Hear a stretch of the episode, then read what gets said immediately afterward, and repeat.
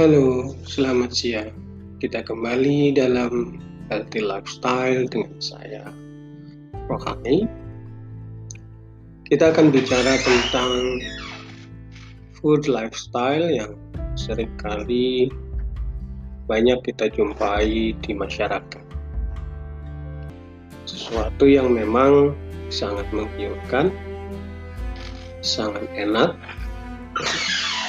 sehingga itu membuat kita menjadi kepingin untuk menikmatinya.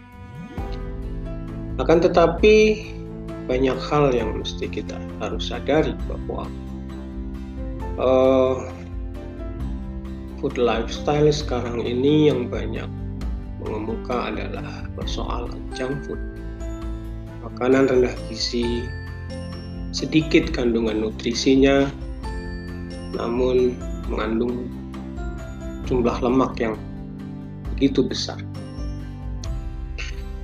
Junk food ini memang identik dengan fast food atau makanan cepat saji.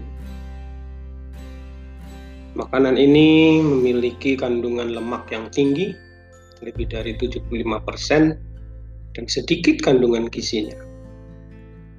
Biasanya mengandung kandungan garam yang tinggi, ya dan ini merupakan faktor resiko terjadinya penyakit degeneratif seperti hipertensi, diabetes mellitus, bahkan kanker.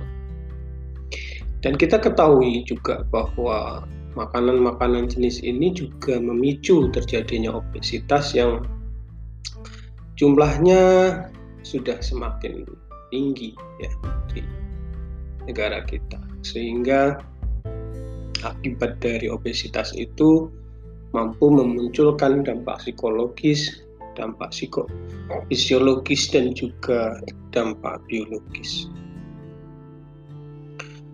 Ya, WHO sendiri sudah mengkategorikan jenis-jenis junk food ya, seperti makanan kalengan, makanan gorengan, makanan daging yang diproses, ya, mie instan, makanan yang dipanggang atau dibakar, keju olahan, makanan asinan, manisan kering, ya, manisan beku, dan makanan dengan daging yang berlemak.